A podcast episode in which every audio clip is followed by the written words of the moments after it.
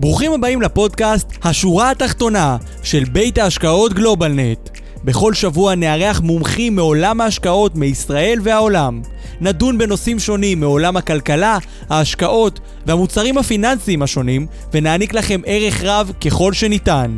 מוזמנים להקשיב לנו בכל אפליקציות ההסכתים, או לעלות ללייב שלנו בכל יום שני בשעה חמש.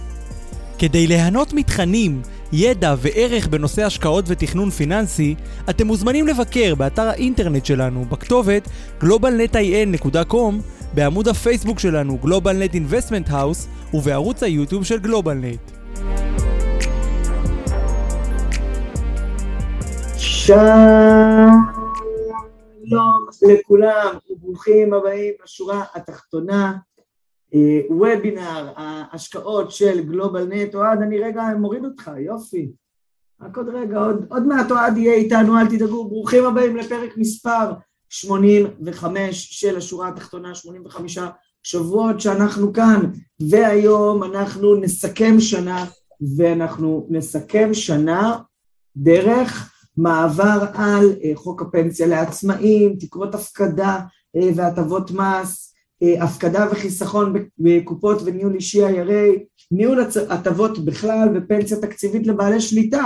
נדבר היום קצת על כל חוקי המיסוי, ההטבות בישראל, כדי לדעת לסגור את השנה כמו שצריך. גם אני היום נפגשתי עם מתכנן פיננסי, יכול להיות שהוא אפילו פה איתנו, ווידאתי שכל הקופות שלי מסודרות, וההפקדות וההטבות, כי זה מאוד מאוד חשוב, כי הגיע סוף שנה, אז הגיע הזמן לעשות סדר, ובשביל זה יש לנו היום את מנכ"ל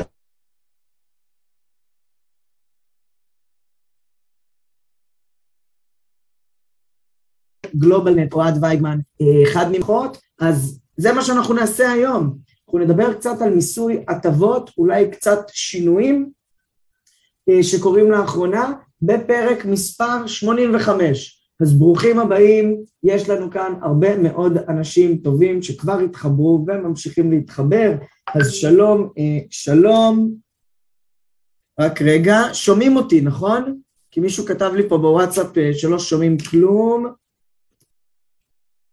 שומעים אותי, בסדר.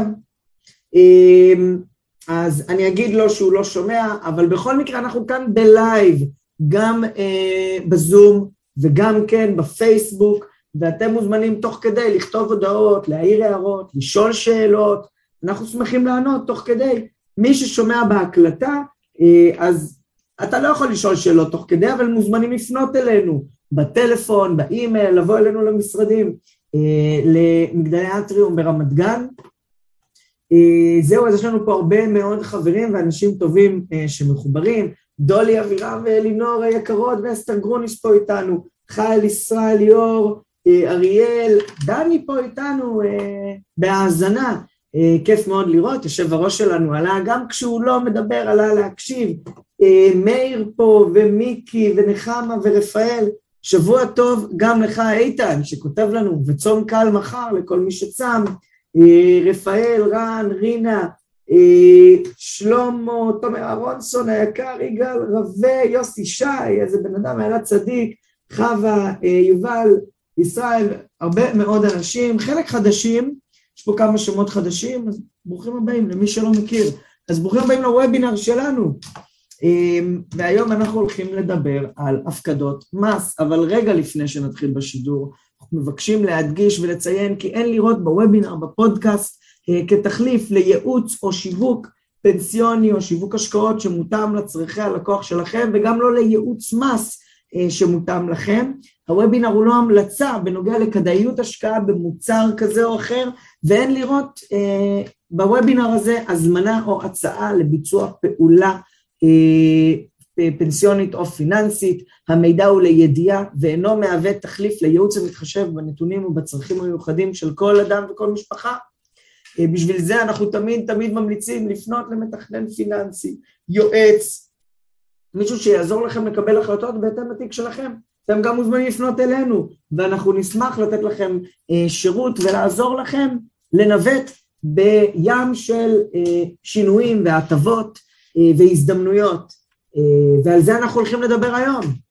אז אוהד, עכשיו אני אזמין אותך, בוא תעלה אלינו, מה העניינים? שלום וברכה, מה שלומכם? מה שלומך אורן? שלומי מצוין, כיף לעבור לשבע בערב, נראה גם ש, שהצופים אוהבים את זה, כי מצביעים נכון. ברגליים ועולים. נכון. אני יודע, כן. אני יודע שגם אתה אוהב את זה, כי כיף אה, לעבוד מסביב לשעון בכל השעות.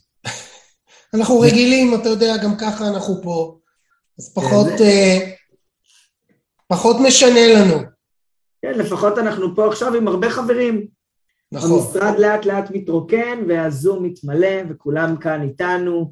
אה, אז היום אנחנו הולכים לדבר על הטבות.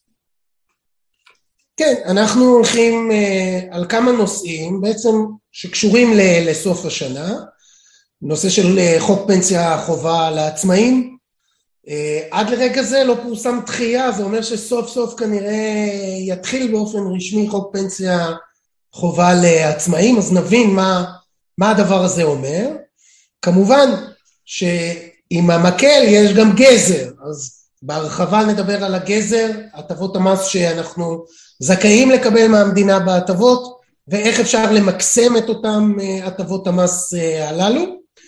אה, אם כבר ממקסמים את הטבות המס, אז גם נשאל, אני מפקיד לתוכנית, לקצבה כזו או אחרת, איך אפשר לנהל את הכספים בצורה המיטבית באותן תוכניות שהחלטתי לפתוח ולהפקיד באופן שוטף, כאמור בעבור הטבות המס. אה, ואם יהיה לנו עוד זמן, עוד, אה, עוד, אה, עוד כמה נושאים מעניינים בדבר אז- הזה. אז זה מאוד מאוד מעניין, וחברים, אנחנו עושים את ההרצאה הזאת בסוף כל שנה, ואנחנו עושים אותה גם לאנשי המקצוע, נכון. וככל הנראה שהנושאים, לפעמים המשעממים האלה, ואני בכוונה אומר את זה ככה, כי הרבה פעמים אנחנו מדברים פה על הזדמנויות השקעה, וסקטורים, ועולמות חמים, אבל מס שאנחנו חוסכים זה מאה אחוז רווח. אה, והרבה פעמים דווקא לבוא ולהסתכל אה, על הנושאים שהם לפעמים משעממים, התיקונים, התקרות, ההפקדות, ניצול הטבות המס, שם אה, יש משמעות מאוד מאוד גדולה, ולכן אני מזמין את כולם, גם אם לרגע איזשהו נושא אולי פחות רלוונטי בשבילו, יש אה, בהרצאה הזאת אוצר, שאנשי המקצוע והלקוחות שמאזינים ולוקחים את זה, יכולים להרוויח המון. אוקיי, אז נתחיל. קדימה, במה. שלך אוהד. אז אמרנו, פנסיה חובה לעצמאים, הפקדות והטבות לסוף שנת המס 2021. אה, אם כבר מפקידים, האם להפקיד לניהול אישי או לא, מה היתרונות והחסרונות של אה, המסלול הזה. ניצול הטבות המס בפוליסות פרט, גם זה אנחנו אגב אה, סוף שנה, מכירה רעיונית וכל מה שקשור לנושא הזה. ואם יישאר לנו הזמן, נקנח פנסיה תקציבית לבעלי שליטה. אחלה קינוח, אז נתחיל. היה לי הכבוד והעונג ללוות אה, בעבודת מטה את אה, ירון גינדי שעשה אה, שינויים משמעותיים בחוק פנסיה חובה לעצמאים. כל מי שהיה במשא ומתן אז ב-2016 עדיין חושב שמדובר בחוק לא טוב, אבל הטיוטות שהוגשו לכנסת היו רעות הרבה יותר מהתוצאה הסופית. יש פה כמה הישגים שהם אפשר לומר היסטוריים בהקשר שבו אה, החוק הזה עבר.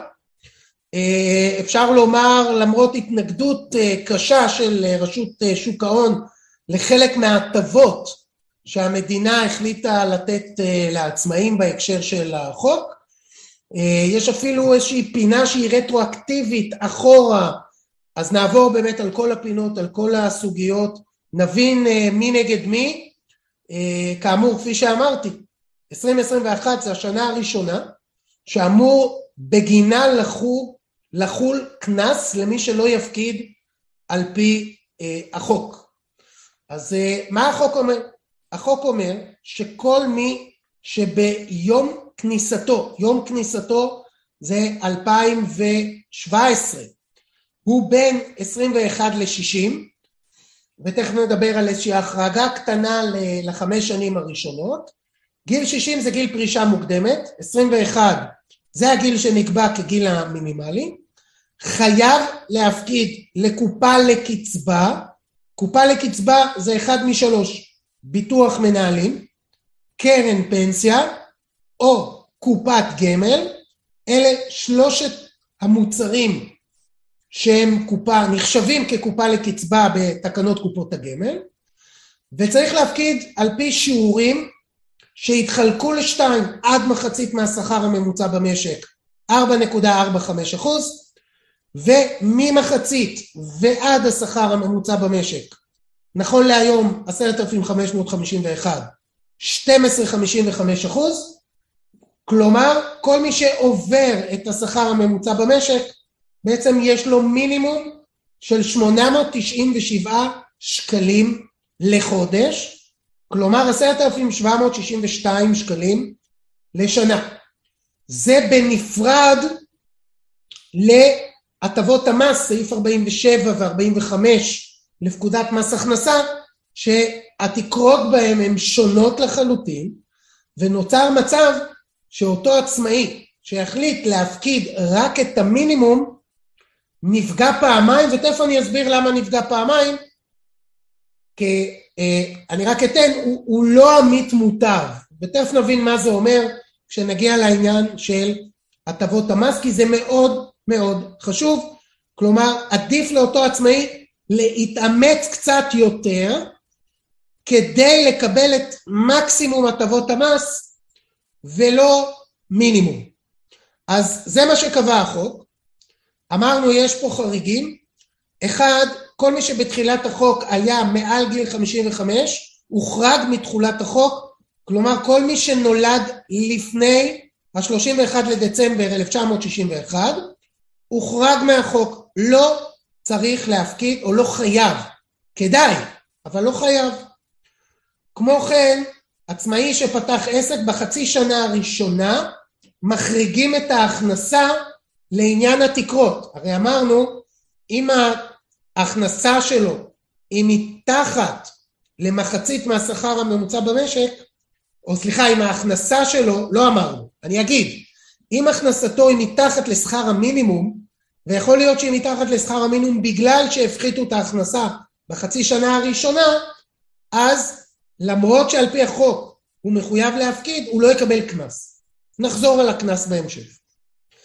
עוד נקבע שאם לאותו עמית עצמאי יש שכר כשכיר ומפקידים לו כשכיר, אז צריך להפחית מהתקרות שציינתי בשקף הקודם את ההפקדה שמפקידים לו כשכיר.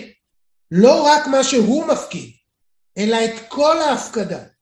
גם הפיצויים וגם התגמולים, זה מגיע למצב שאם אני עצמאי, אבל גם שכיר, שהכנסתי היא מעל הכנסתי המבוטחת לקרן פנסיה או ביטוח מנהלים או לקופת גמל היא מעל 4,718 אז אני לא מחויב להפקיד כעצמאי ואני כמובן לא אקבל קנס. אז זה מה שנקרא חריגים. זוכרים שאמרתי את הנושא של ההטבה? אז רטרואקטיבית נקבע שכל עצמאי שהפקיד גם לפני 2017, כלומר לפני כניסת החוק, יהיה זכאי למשיכה חד פעמית של שליש מהקרן ועד התקרה של 12,340 לכל שנת הפקדה. אם יש פה מכם אנשי מקצוע, בטח אתם מזהים את התקרה של 12,340 מאותה תקרת פיצויים לשכיר. בעצם מה באים ואומרים? עצמאי, בדיוק כמו שכיר, זכאי לפטור בדיוק באותה תקרה של השכיר. התקרה לשכיר לפטור לפיצויים היא 12,340 נכון ל-2021. אותה תקרה תהיה גם לעצמאי. מה ההבדל, והוא הבדל גדול? השכיר בעצם מקבל פטור על כספים שהופקדו עבורו. המעסיק הפקיד אותם. העצמאי מקבל אומנם פטור, אבל הכספים שהוא הפקיד עבורו, ולא הפקיד מישהו אחר. אז עדיין יש הבדל בין שכיר לעצמאי. ולמרות זאת, זה גם רטרואקטיבית. זה לקח הרבה כספים שהופקדו מ-2008, שכל ההפקדות לעצמאים מ-2008 הם בעצם לקצבה, ועד 2017 שהם היו לקצבה, וקבע ששליש מהם ניתן למשוך חד פעמי. כמובן שאותו פטור, בדיוק כמו לשכיר, מקזז מהפטור לקצבה בגיל פרישה. אבל זה אני אומר על נושא של קיבוע זכויות, נושא אחר שלא נרחיב כמובן בנושא הזה, מה שנקרא אין ארוחות חינם. אבל אפשר, והרבה עצמאים רוצים למשוך חד פעמי את הסכומים האלה, שכאמור בסגירת העסק, כך זה נקרא, חיסכון לאבטלה, בסגירת העסק, השם הוא אומלל, אבל בסגירת העסק אפשר יהיה למשוך שליש חד פעמי, כל השאר כקצבה. דרך אגב, עדיין אם אני עומד בתנאים להיוון קצבה, שזה גיל פרישה 67 וקצבת מינימום 4,415 ש"ח, אז אם אני עומד בתקרה הזו, אני אוכל גם לעשות היוון של שאר הכספים. אבל זה תכנון פרישה. עוד דבר, אחת מההטבות שהיו זה הקטנת דמי הביטוח, אבל האמת היא שזה רק לחלק מהאנשים. לאותם חלק שהכנסתם לביטוח לאומי הייתה מתחת ל-21,000 ש"ח, הם באמת ראו הקטנה של דמי הביטוח הלאומי. אבל לאותם אלה שהכנסתם היא מעל 21,000 ש"ח, אנחנו מדברים על 2017, אז הם ראו דווקא הגדלה של דמי הביטוח הלאומי, והם אלה שמימנו את אותה הקטנה, או חלק מהקטנה, לאותם אלה שהקטינו, שמרוויחים כאמור מתחת ל-21, כך שלא כצעקתה בהקשר של אותה הטבה של הקטנת דמי הביטוח הלאומי. דיברנו על קנסות. אז קודם כל נאמר, עד לרגע זה אין עצמאי אחד ששילם קנס. כי ב-2017 ו-2018 בחוק עצמו היה רשום שאין קנס למי שלא מפקיד. צריך להפקיד, אבל לא יחול קנס למי שלא הפקיד. ב-2019 ו-2020 ארגוני העצמאים במשא ומתן מול משרד האוצר הצליחו לדחות את החלת הקנס על ההפקדה. כרגע לשנת 2021 עדיין לא קרה הנס הזה שקרה ב-19 ו-20. אני לא יודע אם יקרה, עוד לא הסתיימה השנה, אבל אנחנו ממש קרובים. ולכן, מי שלא יפקיד עד סוף השנה, א', לא ייהנה מהטבות המס שתכף נדבר עליהן. אבל מעבר להטבות המס צריך לומר שהוא יקבל עוד הזדמנות להפקיד רטרואקטיבית. ההפקדה הרטרואקטיבית לא תזכה בהטבות המס, ולכן מי שכבר מבין שהוא יפקיד, כבר עדיף להפקיד עד סוף שנת המס, שכאמור יש עוד כשבועיים לעשות את זה, וכדאי להזדרז ולעשות את זה. אבל כדי לא לקבל את הקנס, אפשר יהיה כשאתם תקבלו מכתב ממרכז הקנסות והאגרות של משרד המשפטים, הוא יאפשר לכם תוך 90 יום ממשלח ההתראה בכל זאת להפקיד לאותה שנה. עכשיו מה זה אומר? תבינו איך זה עובד. ל-2021 מי שלא יפקיד בזמן, ב-2022 יאספו את כל המידע. אז המכתב הזה לא יתקבל ב-2022. רק ב-2023 יישלח לכל העצמאים שלא הפקידו באופן מלא. דרך אגב, גם לאותם אלה שבמקום להפקיד 800 ש"ח לחודש, נניח זה היה החישוב עבורם, הפקידו 700 לחודש. אז במכתב יהיה רשום, לא הפקדת 1,200 שקל, או שתפקיד בדיעבד, או שתקבל קנס 500 שקל. כלומר, זה לא משנה כמה חסר, הקנס יהיה 500 שקל.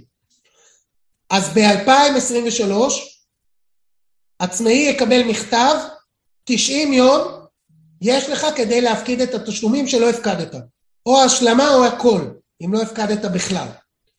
או לשלם את הקנס. אם כאמור בדיעבד שילמתי, ואני עושה את זה לבד, אז אתם רואים פה את הלינק לאתר, תצלמו. אתם תצטרכו להעלות את האישור של ההפקדה ללינק הזה.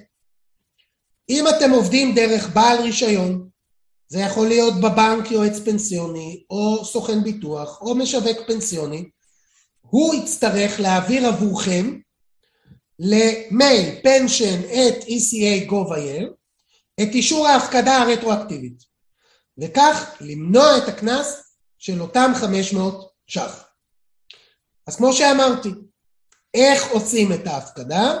לאחד משלושת המוצרים או לכמה מוצרים, כי אני יכול לפצל את ההפקדה איך שאני רוצה לכמה מוצרים. רק לזכור, חלק מהגופים לא מקבלים, יש להם מינימום. אז חלק זה 300, 350 שקל, 100, כל גוף יש לו את המינימום שלו.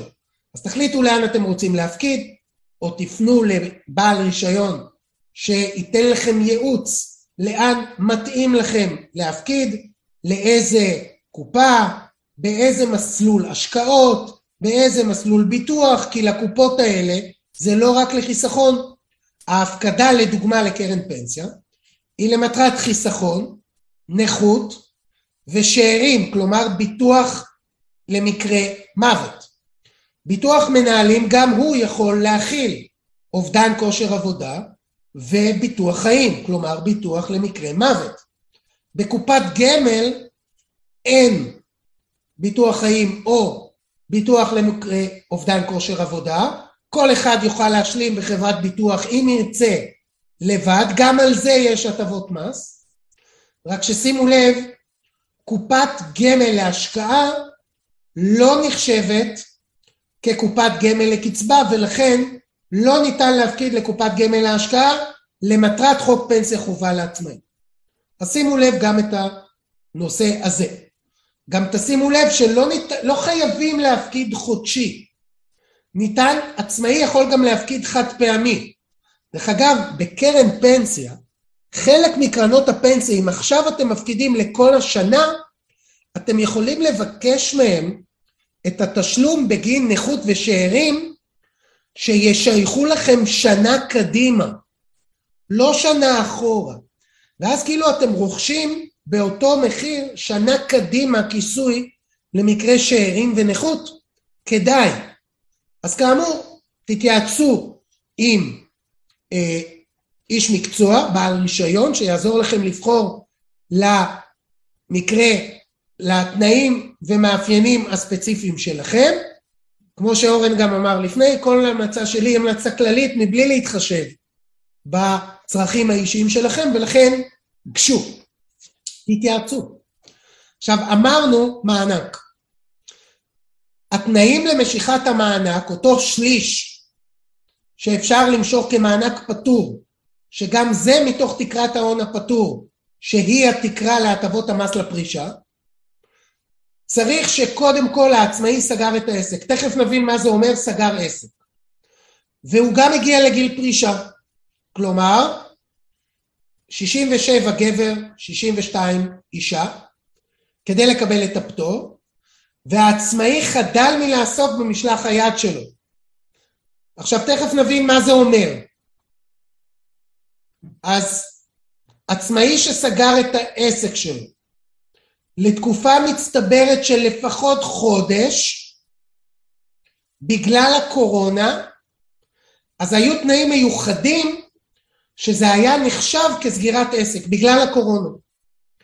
ולכן, למרות שהעסק לא נסגר, אז היו תנאים מקלים בתקופת הקורונה גם לנושא משיכת המענק. אז לגבי הדבר הזה גם רואי חשבון ויועצי מס יכולים לעזור לכם לגבי הקודים האלה, אה, שתדעו אם זה מגיע לכם או לא מגיע לכם. עכשיו, כדי להיות זכאים למשיכה, אתם צריכים אישור מביטוח לאומי, שאתם הייתם במצב של אבטלה, אישור מרשות המיסים על סגירת העסק במע"מ ובמס הכנסה, האמת היא שמספיק אחד מהם, או מע"מ או מס הכנסה, זה מספיק. הצהרה חתומה מרואה חשבון או עורך דין שגם הפעילות הפסיקה, וזה פחות או יותר הדברים שתצטרכו להביא. עכשיו אמרנו, יש פה שתי סוגים של חוסכים. כאלה שחסכו רק החל מכניסת חוק פנסיה חובה לעצמאים, וכאלה שחסכו גם לפני. למה הדבר הזה חשוב? כי נשאלת השאלה, איך אני עושה את החישוב של השליש הזה רטרואקטיבית? לפי מה עושים?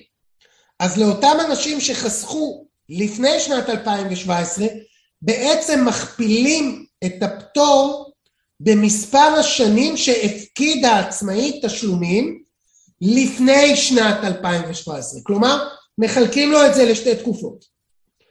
כל השנים שהוא הפקיד לפני 2017 כפול תקרת הפטור 12,340, זה המקסימום, ו, וכמובן, כמובן שיש פה מגבלה של הצבירה עצמה, שליש והצבירה או מקסימום התקרה כפול שנות ההפקדה, ומ-2017 ואילך, החל משנת 2017, אז כאמור, כל אותם שנים שהפקיד העצמאי החל מ-2017.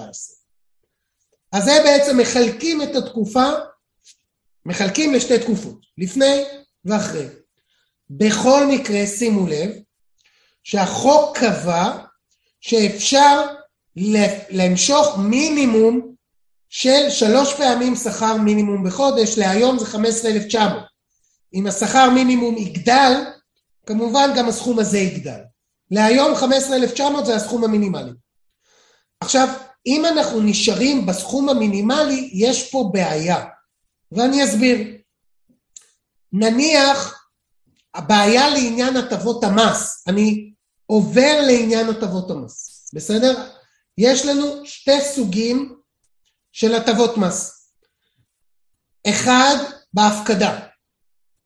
כל מי שמפקיד, כל עצמאי, בעל שליטה, שמפקיד לקופה לקצבה, לקרן השתלמות, ואו ביטוח חיים, אה, אובדן כושר עבודה וכן הלאה, הוא זכאי להטבות מס. אז זה סוג אחד של הטבות מס. סוג שני של הטבת מס זה פטור על מס רווחי הון. קודם כל חשוב לי לומר, הפטור על מס רווחי הון הוא הפטור החשוב ביותר. למרות שכמעט ואף אחד לא מדבר עליו. תמיד מדברים על, ההטבות להפקדה וכן הלאה, וגם אני אדבר על ההטבות להפקדה. אבל, אני רוצה לתת לכם דוגמה. נניח עצמאי שמפקיד אלף ש"ח בחודש למשך שלושים וחמש שנה. אותו עצמאי בחישוב יחסוך בהפקדות הוא בעצם הפקיד כמעט 400 אלף שקל. עכשיו, כמה אתם מעריכים שיהיה לו בסוף התקופה אם הוא הפקיד 400 אלף שקל? אני לא אמתח אתכם הרבה, בערך מיליון שש מאות, זה יהיה הסכום שלו בצבירה בסוף. כלומר מיליון מאתיים הפקדה, מיליון שש מאות צבירה, סליחה, ארבע מאות אלף שקל הפקדה, מיליון שש מאות צבירה, זה אומר מיליון מאתיים רווח. תבינו כמה הרווח הוא משמעותי בגלל האפקט של ריבית דריבית ל-35 שנה. זה מה שמביא לי, המנוף הזה של הריבית דריבית, גורם ל-400 אלף שקל הפקדה להגיע למיליון 600, מיליון 200 רווח. עכשיו, מס רווחי הון הוא 25 אחוז. זה אומר שאם על מיליון 200 רווח הייתי צריך לשלם מס, הייתי משלם בערך 300 אלף שקל מס. בעוד שהטבות המס בהפקדה, שתכף נעבור עליהם, ייתנו לי בערך בין 100 ל-120 אלף שקל לאורך כל התקופה, מתוך 400 אלף שקל, 120 אלף שקל זה הטבות המס. בעצם 120 אלף שקל זה בגלל שהוא אלף, הוא לא עמית מוטב, ותכף אני אסביר את זה. הוא לא עמית מוטב, הוא לא זכאי לכל ההטבות. אבל גם אותם 120 אלף שקל הטבות מס, אז הוא הביא בערך 300, פחות מ-300, 280 אלף שקל העמית הביא, 180 אלף שקל המדינה שמה, אז 120 אלף שקל ביחס ל-280 זה כמעט 50 אחוז רווח. עכשיו זה גם תלוי במדרגת מס השולית של הלקוח, ותכף נראה, תכף נראה עוד סימולציה. אבל למרות שיש פה רווח אדיר, עדיין בכסף יש פה פי כמה, פי שלוש יותר כסף בהטבת המס לפטור על מס רווחי הון מאשר בהטבות המס. זה אומר שאני, כשאני מפקיד לקופה לקצבה, אני מקבל גם את הטבת המס בהפקדה וגם את הפטור על מס רווחי הון. גם וגם. ולכן מאוד מאוד חשוב, במיוחד כשאני מושך כספים בקופה לקצבה, חשוב מאוד לקחת בחשבון שאני מוותר על הפטור על מס רווחי הון. והוא כאמור הפטור המשמעותי ביותר בכסף. שאלות לגבי הדוגמה? אם חסכת 35 שנה והצטבר 750 אלף שקל, שתי דברים אפשריים. אחד, לא חסכת אלף שקל בחודש, שתיים, דמי הניהול הרגו אותך. עכשיו זה תלוי, חבר'ה. ברור שדמי ניהול זה דבר מהותי בהפקדה למוצר פנסיוני. ולכן, חברים, תכף נדבר על IRA, על איך מקטינים גם את uh, העלות האדירה שיש לניהול ההשקעות בקופות הפנסיה, הגמל וביטוח המנהלים. אז הנה, עופר ישר מקפיץ אותי לעמית מוטב. רגע. במידה ואני מקבל פנסיה כשכיר בגובה 8,000 ש"ח, במקביל אני עצמאי, זה שאתה מקבל פנסיה כשכיר לא רלוונטי להיותך עצמאי ואתה חייב להפקיד. אלא אם מפקידים לך כשכיר, אבל הקצבה שלך לא רלוונטית לעניין. בעיקר בקצבאות מוקדמות, זה פשוט לא רלוונטי. אז זה לגבי השאלה של רן. ישראל, יש המון טיפים לגמלאים, זה פשוט לא הוובינר הזה. אה, אוקיי, אז הנה, כן, יש, אה, יש יועצים שמפסיקים את הגניבה. כן, אלינור, זה חשוב מאוד. ביטוחים, הנה אסף פה מוסיף, נושא של ביטוחים, אתם צודקים, גם ביטוחים מקטינים מהצבירה. אבל נחזור לעמית מוטב. זוכרים אותו עמית, נניח ויש לי הכנסה של 20 אלף שקל. אני יכול להפקיד במקסימום הפקדה לפי שכר של 17,400. זה תקרת השכר או ההכנסה לפני מס לעצמאי. עכשיו אם הפקדתי לפי התקרה של פנסיה חובה, אז הפקדתי רק 896, גם האחוזים הם נמוכים. בהפקדה לעצמאי המקסימום זה 16 וחצי אחוז מ-17,400. ניקח 16, 16 וחצי אחוז, תכף נעשה עוד אה, זה, אבל 17,400 כפול 0.16 וחצי זה 2,871. עכשיו, במקום שאני אפקיד 2,871 ואני אקבל הטבות מס שתכף נראה אותן, אני בוחר להפקיד רק 796. עכשיו, זה מוריד אותי לסף היותי מות... עמית מוטב, ואז סך הטבות המס שלי קטן בצורה משמעותית, ואז אני מפסיד חלק ניכר מהטבות המס בהפקדה. אם אני מפקיד מעט יותר, כלומר אתם לא חייבים להפקיד 2,840, תפקידו מעל 1,680 ואתם כבר עמית מוטב וכבר מגדילים באופן ניכר את הטבות המס שלכם על אותה הפקדה. אז זה הטיפ הראשון, אל תפקידו 896 שזה מה שמתחייב בחוק. גם אם אין לכם להפקיד, נניח ואתם חציתם את ה-17,400, וגם אם אין לכם להפקיד 2,800, לפחות 1,688 לחודש, תפקידו. זה בהנחה שאין לכם. יש בעיה תזרימית, כל סיבה אחרת. תפקידו, לפחות את זה. גם לא עם את ה-2,800. אז זה העניין של עמית מוטב. עכשיו לגבי הטבות המס. יש לנו שתי סוגים של הטבות מס. זיכוי, מה זה זיכוי? זיכוי זה שאני משלם מס כעצמאי, משלם כל הזמן מס. מגיע דוח, לוקחים את חישוב ההפקדה ואומרים לי, תשמע, במקום לשלם מס, סתם אני זורק, של עשרים אלף שקל, בוא קח שלושת אלפים שש מאות שקל זיכוי. למה? כי הפקדת לחלק של הזיכוי פרמיה של 957 שקל לחודש. זה המקסימום לזיכוי כעצמאי, ואז תקבל 35 אחוז זיכוי בגובה המקסימלי של 957 לחודש.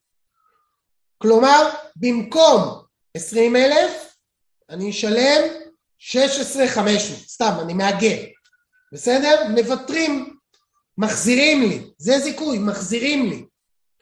אז אם אני עצמאי, זוכרים את התקרה 17,400? זו התקרה לזיכוי, חמש וחצי אחוז ובלבד ולא קיבלתי ניכוי לאובדן כושר עבודה, כי אם קיבלתי, קניתי כיסוי למקרה של אובדן כושר עבודה, וקיבלתי ניכוי, אז אני זכאי רק לחמישה אחוז, ולא חמש וחצי. זה חישוב הפרמיה. חמישה וחצי אחוזים מ-17,400, בניגוד לחמישה וחצי אחוזים מ-17,400. אז זה בעניין של אובדן כושר עבודה, והזיכוי המקסימלי, לפי חמש וחצי, הוא 330 ונעגל חמישה שקלים לחודש. מה קורה אם שכיר הוא גם עצמאי? בגדול שכיר שהוא גם עצמאי, יש לי תקרה כפולה לזיכוי, בניגוד להטבה של ניכוי שתכף נראה. כמובן, יש לה תקרה, אם יש לי שכר לא מבוטח. דרך אגב, או כעצמאי או כשכיר, בגובה של 8,700, מה זה אומר כשכיר? אתן לכם דוגמה. אני שכיר, הכנסתי היא 20,000 שקל. אממה, המעסיק שלי מפקיד לי רק לפי 12,300. למה? כי זה הבסיס שלי. הוא לא מפקיד לי על עמלות. עכשיו, עמלות זה שכר שבגינו אני אהיה זכאי לפיצויים, אבל מכיוון שזה מעל שכר ממוצע במשק, מעסיק על פי חוק פנסיה חובה לא מחויב להפקיד לי על כל השכר. למרות שהוא יהיה חייב בסוף להפקיד לי או להשלים לי פיצויים, לתגמולים הוא לא חייב להפקיד אם אין צו הרחבה ענפי שמחייב אותו. זה אומר שהוא יכול לקטום אפילו בעשר, עשרת אלפים חמש מאות חמישים ואחת. אז אם יש לי עוד שכר לא מבוטח, או כמו שאמרתי, אני פשוט עצמאי, שיש לי הכנסה מיגיעה אישית, הכנסה מעבודה, בגובה של עד 8,700 במקרה שיש לי גם הכנסה כשכיר, אז בעצם אני יכול לקבל פעמיים את זיכוי המס. זה מה שזה בעצם אומר עד התקרה של 8,700. מפה נעבור לניקוי מס. מה זה ניקוי? בניגוד להחזר מס שאני מקבל בזיכוי בגובה 35 אחוז, זה קבוע. דרך אגב, שאלו אותי לא מעט, מה לגבי פוליסת ביטוח חיים? האם אני גם זכאי על פול, אם לא מיציתי את הטבת המס שלי בהפקדה באופן מלא, את אותו זיכוי שדיברנו עליו, האם אני את הביטוח חיים למשכנתה, לדוגמה, יכול לבקש עליו החזר? אז כן, אם לא מיציתי את כל התקרה בהפקדה, אני יכול לבקש את אותו זיכוי על אותו ביטוח חיים שאני משלם לבד. זה יכול להיות למשכנתה, זה יכול להיות פרטי אחר. אבל במקום 35% זיכוי, אני אקבל רק 25% זיכוי, כי זה זיכוי לביטוח חיים, ולא זיכוי להפקדה לקופה לקצבה. תזכרו, לא תזכרו, שלכם זה גם מוקלט, זה עולה לכם לפודקאסט, תמיד תוכלו לחזור להרצאה הזו, לשמוע את זה שוב, הטיפ הזה יופיע לכם גם בהקלטה. אז זה לגבי הזיכוי. אממה, יש פה עוד רובד של הטבת מס, מס שנקראת ניכוי. הניכוי, בניגוד לזיכוי שהוא החזר, הוא בעצם הקטנת ההכנסה החייבת. כלומר, אם אני מרוויח 20 אלף שקל לחודש כעצמאי, 240 אלף שקל בשנה, אז א', גם פה יש לי תקרה, 17,400, אז אני לא יכול 240, זה 17,400, הנה נעשה לכם לשנתי, 17,400 כפול 12, אוקיי? זה רק 208,800, ולא 240,000. אז לוקחים את ה-208,800, ואני יכול לקבל ניכוי בשיעור של 11 אחוז אם אני מפקיד מקסימום. זה אומר שיורידו לי מההכנסה החייבת 22,968 אם אני מפקיד 1914 לחודש לסעיף הניכוי. ואז אם אני במדרגת מס גבוהה, זה כמובן הטבת המס הזו יכולה להיות יותר גבוהה מהזיכוי, כי זיכוי זה 35% קבוע. אבל אם מדרגת המס השולית שלי היא 34, תוסיפו לזה גם את ביטוח לאומי ומס בריאות, שהוא בממוצע 12 אחוז, ואז בעצם יש לי 46 אה, אחוז, ולא 35. אז לבעלי שכר יותר גבוה, סעיף הניכוי הוא הרבה הרבה יותר משמעותי מסעיף הזיכוי. יש פה גם ניכוי מס לאובדן כושר עבודה בתקרה של שלושה וחצי אחוזים מהכנסה של 26,377, כלומר פרמיה מקסימלית של 923 שקלים לחודש. גם זה יכול להקטין את ההכנסה החייבת. עכשיו, רק בשביל הקוריוז, זה תמיד שואלים אותי מה לפני מה. אז רק שתדעו, קודם כל ניכוי של 7% מההכנסה בתקרה של 17,400. אחר כך זיכוי של 5.5%, ורק אם אני מפקיד את ה... בנוסף לזה, יש לי עוד ניכוי של החמישה אחוזים, או סליחה, ארבעה אחוזים הנוספים ל-11 אחוז. שאלות לגבי זה? אין שאלות. כנראה היה ברור כשמש. נהדר. אבל מה קורה לעצמאי שהוא גם שכיר בנושא של הניכוי? אז פה אנחנו צריכים לנקות את ההפקדה של השכיר שנעשתה אה, עד 21,750. כלומר, אם אני שכיר ומפקידים לי על שכר שהוא מעל 21,750, אין לי אפשרות כעצמאי ליהנות מהטבת הניכוי. זוכרים רק את הזיכוי? אין לי אפשרות.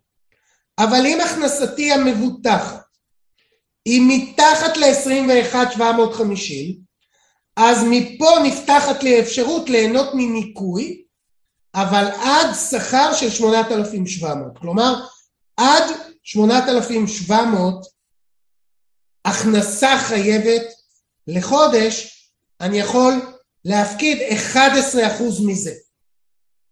אוקיי? יש, הנה, צ'אט. אה, כל כך מסובך. אה, אתה יודע מה עופר? האמת היא שזה גם מה שאמרתי, אה, אני, אני לא מעט פגישות מול מס הכנסה, מול אותה מחלקה של מיסוי קופות גמל, אני מייצג מעת לעת את לשכת רואי חשבון, בעבר גם ייצגתי את לשכת יועצי המס בפגישות כאלה, ואנחנו כל הזמן חוזרים על כמה מסובך הנושא הזה. ו- וכמה כמות החומר כמו שרן אומר וכן הלאה, האינפורמציה פה היא באמת מאוד מאוד גבוהה. אבל א', יש מחוללים, אז אתם יכולים לפנות לאנשי מקצוע, הם ייתנו לכם בדיוק את מה שאני נותן, הם יעשו לכם את החישוב. תכף אני אסכם לכם את זה, אבל ככה נראה מחולל הטבות המס של גלובלנט. אני בניתי אותו באקסל. כל מי שרוצה לקבל את מחולל הטבות המס. אתם רואים פה את המייל שלנו, אופיס שטרודל גלובלנט איי-אל במילה אחת נקודה קום. שוב אני חוזר, אתם גם יכולים לצלם וזה מוקלט. אופיס קום.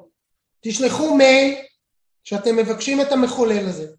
תקבלו מייל עם אקסל שאתם רואים פה את ההכנסה שלכם החייבת כעצמאי, ובצהוב את ההפקדה בפועל שאתם בוחרים להפקיד, שהיא צריכה להיות בין ההפקדה המינימלית, לפי חוק פנסיה חובה, להפקדה המקסימלית, לפי סעיף 47 ו-49, סליחה, ו-45, 47 ו-45, בין המינימום למקסימום, אתם בוחרים פה בצהוב את ההפקדה שאתם רוצים לעשות בחודש, ואז הוא יחשב לכם מה הטבת המס שלכם לפי מדרגת המס השולית, ביטוח לאומי, לפי השכר שהכנסתם למעלה בצהוב. שכר, כלומר, הכנסה לפני מס. וגם הוא יחשב לכם את החלק שלכם, אפילו הוא יחשב לכם את הרווח. דרך אגב, רווח זה לא תשואה, זה רווח.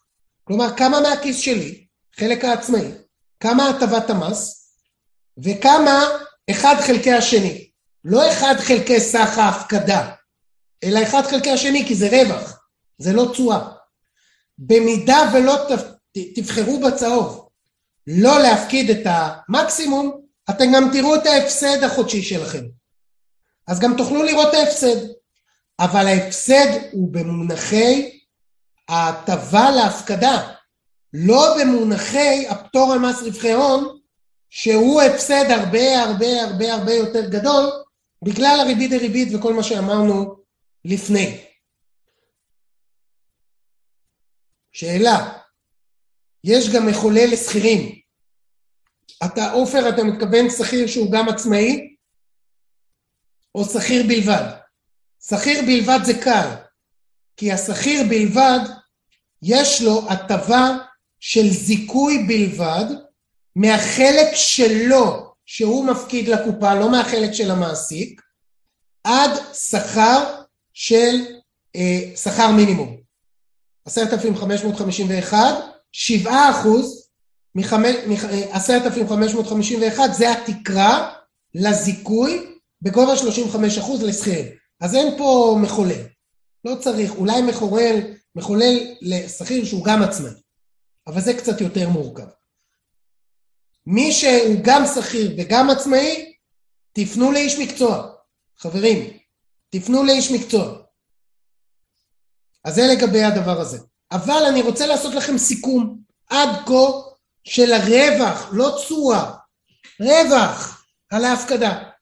בואו נניח שכר גבוה. מה זה אומר שכר גבוה? עצמאי שמדרגת המס שלו היא 34 אחוזים. אז עשיתי את החישוב של הזיכוי, ונניח והוא מפקיד את המקסימום. קודם כל המקסימום לזיכוי וניכוי לעצמאי הוא 34,452 בשנה.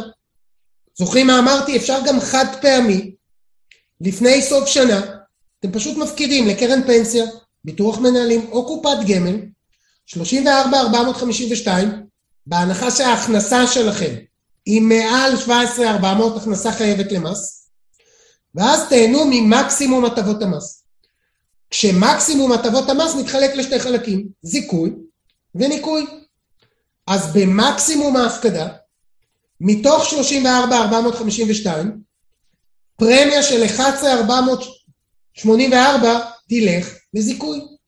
והטבת המס בגינה היא 35 אחוז, 4,019 שקל. החלק של הניכוי נשאר 23,938, והטבת המס למי שמדרגת המס שלו היא 34, כי אם מדרגת המס היא שונה יהיה חישוב אחר פה. אז לאותו דוגמה זה 11,562 מתוך 23,968, ובסך הכל 15,581 אתם מקבלים מהמדינה. בעצם מה המדינה באה ואומרת? חכו רגע, לפני סוף שנה. אתה על פי הכנסתך השנתית, בדוח שנה הבאה תצטרך לשלם לי כך וכך כסף. מתוך הכסף שאתה צריך לשלם לי מס, אני מוכן לוותר, אני המדינה, מוכנה לוותר במקרה שהדוגמה הזו 15,581 אז רגע לפני שאתה משלם לי את זה תשאיר את זה בכיס שלך. קח עוד 18,870 כסף שלך. את הכסף השלך 18,870 פלוס מה שאתה אמור לשלם לי על הכנסתך השנה 15,581 את שניהם ביחד תכניס לקופה לקצבה. ואם תעשה את זה, ויתרתי לך על ה-1581. אם תחליט להפקיד פחות, תקבל הטבה פחות. כלומר, אם אני עושה חישוב של רווח, לא תשואה, רווח, תשואה זה בעצם 15,500 חלקי 34. רווח זה 15,500 חלקי 18,800, כלומר מה שאני מקבל מהמדינה ביחס למה שאני שמתי, או במונחים אחרים, על כל שקל מכיסי כמה המדינה נותנת.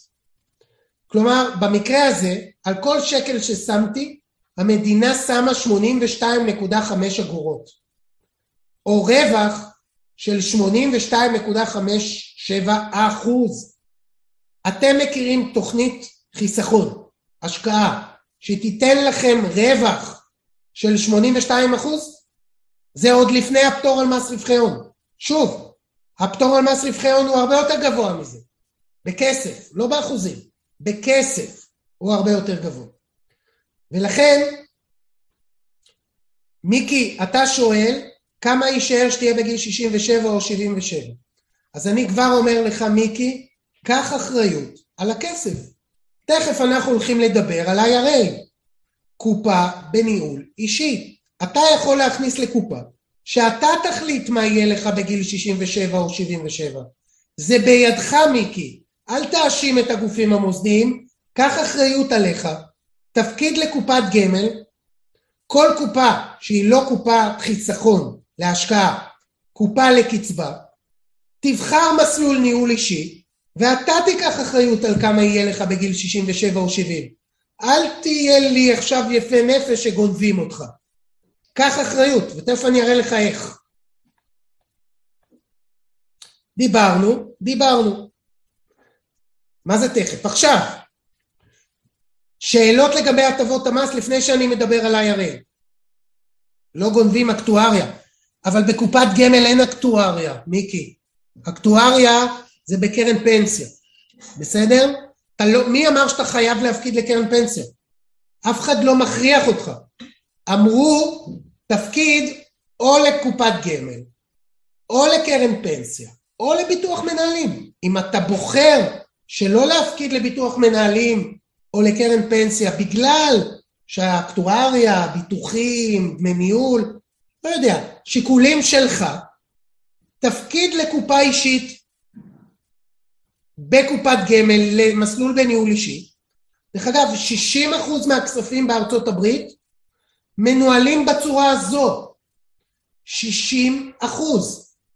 בישראל עוד לא גילו את הקופות האישיות האלה כי זה דבר חדש. הרבה אנשים אוהבים, סלח לי מיקי, זה לא אתה, הרבה אנשים אוהבים לקטר ולהגיד דופקים אותי מאשר לקחת אחריות ולעשות לבד. נכון, זה חדש, ועכשיו אתה יכול, אז בעקבות המת... ה... אה, רן, אני לא נכנס ליתרונות והחסרונות של קרן פנסיה, ביטוח מנהלים וקופה. כל אחד ייגש ליועץ אישי שיראה לו את היתרונות והחסרונות. אבל אם מישהו בחר שלא להפקיד לקרן פנסיה או ביטוח מנהלים מסיבותיו שלו, שידע שיש אופציה נוספת. אני לא אמרתי שהיא יותר טובה מקרן פנסיה או פחות טובה מקרן פנסיה, אלא שיש עוד אופציה. ולגבי אנשים שמפחדים ולא יודעים לנהל את ההשקעה ובמה להשקיע, זה בדיוק העיסוק של גלובלנט. גלובלנט זה בית השקעות, שההתמחות שלו זה השקעות ב-IRA. אז תתייעץ, אם אתה מפחד, תתייעץ. אז בעקבות המפץ ב-2008,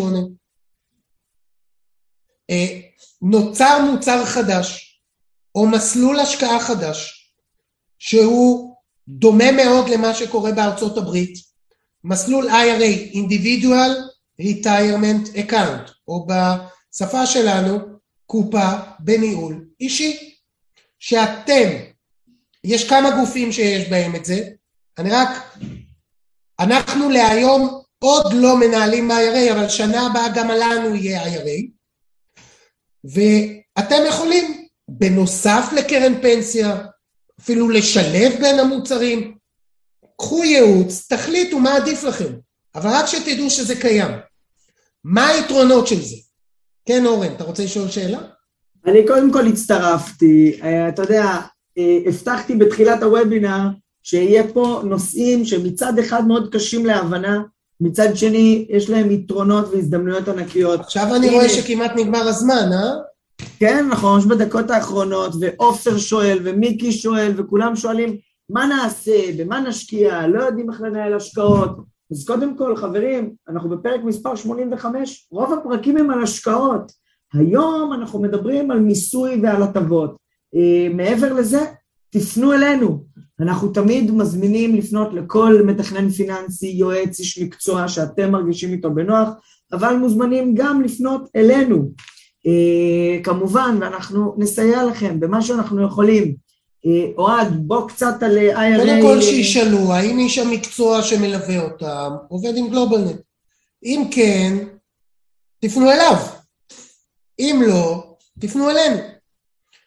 אה, מה הייתה השאלה?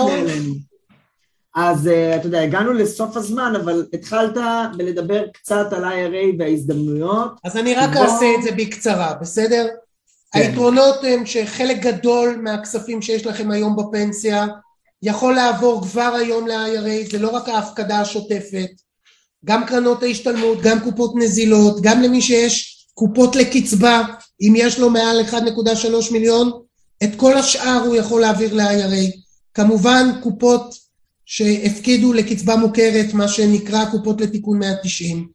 אז היתרונות הם שדמי הניהול פה הם פחות מחצי מדמי הניהול בשוק. דמי הניהול הממוצעים בשוק הם 0.6, פה פחות מחצי.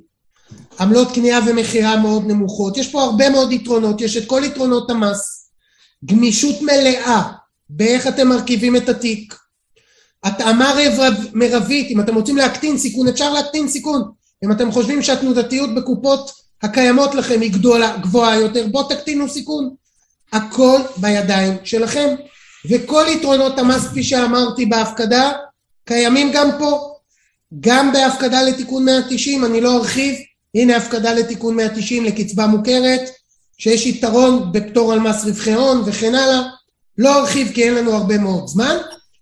אמ, לגבי קרנות השתלמות, אני רק אגיד דבר אחד כטיפ, יש פה שתי תקרות למי שהוא גם שכיר וגם עצמאי.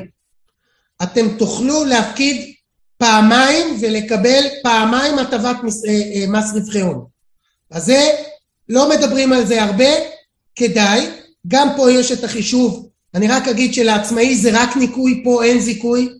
ובעבר הוא היה צריך להפקיד שתיים וחצי כדי לקבל את הניכוי של הארבע וחצי.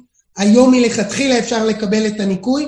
זה גם שינוי שהיה בחוק פנסיה חובה לעצמאים ב-2017. בעלי שליטה בקרנות השתלמות הם קצת שונים משכירים רגילים כי הטבת המס שלהם היא קצת יותר נמוכה בהפקדה, אבל זה אותה הפקדה, זה אותה הטבת מס של פטור על מס רווחי כמו שכיר רגיל. ולכן גם אם בהפקדה לא תקבלו את כל הטבות המס, תפקידו לקרן השתלמות 18480 כי תקבלו את מקסימום הטבות המס ברווחי ההון. ודבר אחרון, ניצול הטבות מס בפוליסות פרט. למי שיש לו פוליסת פרט ועומד בתנאים של סעיף 125ד, זה אומר שמלאו לו ביום 2000, ראשון לראשון 2003 לפחות 55 שנה, גיל 55 ב-2003. עכשיו תעשו חישוב. אז מגיע לכם פטור ממס לריבית.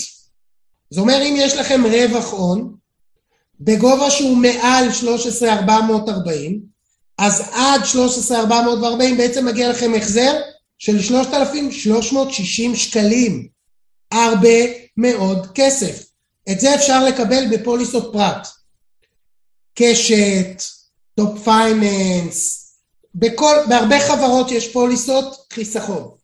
אז זה ניצול הטבות מס בפוליסות חיסכון.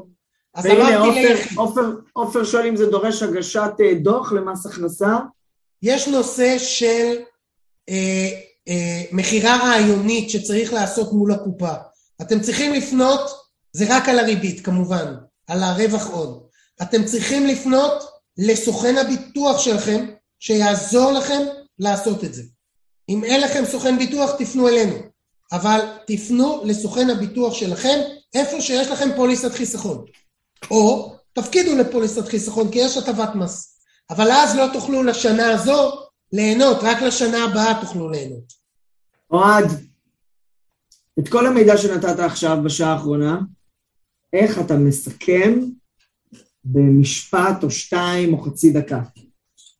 תראו, אני הרבה פעמים מקבל אה, כל מיני הערות כמו לא כדאי להפקיד לפנסיה, מה יהיה בפנסיה, אני לא מאמין בפנסיה, כל מיני אה, דברים כאלה, כל מיני אמירות שמקבלים אותם הרבה מאוד. אני מעדיף לקבל את הקנס ולא להפקיד לפנסיה כי אני לא מאמין לאף אחד. אז היום הנושא של ה-IRA נותן בשורה. אתם יכולים לקחת שליטה על הכספים שלכם וליהנות מהטבות המס. שילוב השניים מפוג... בעצם נותן לכם מענה שלם לחוסר האמון שלכם במערכת, אם ובמידה יש.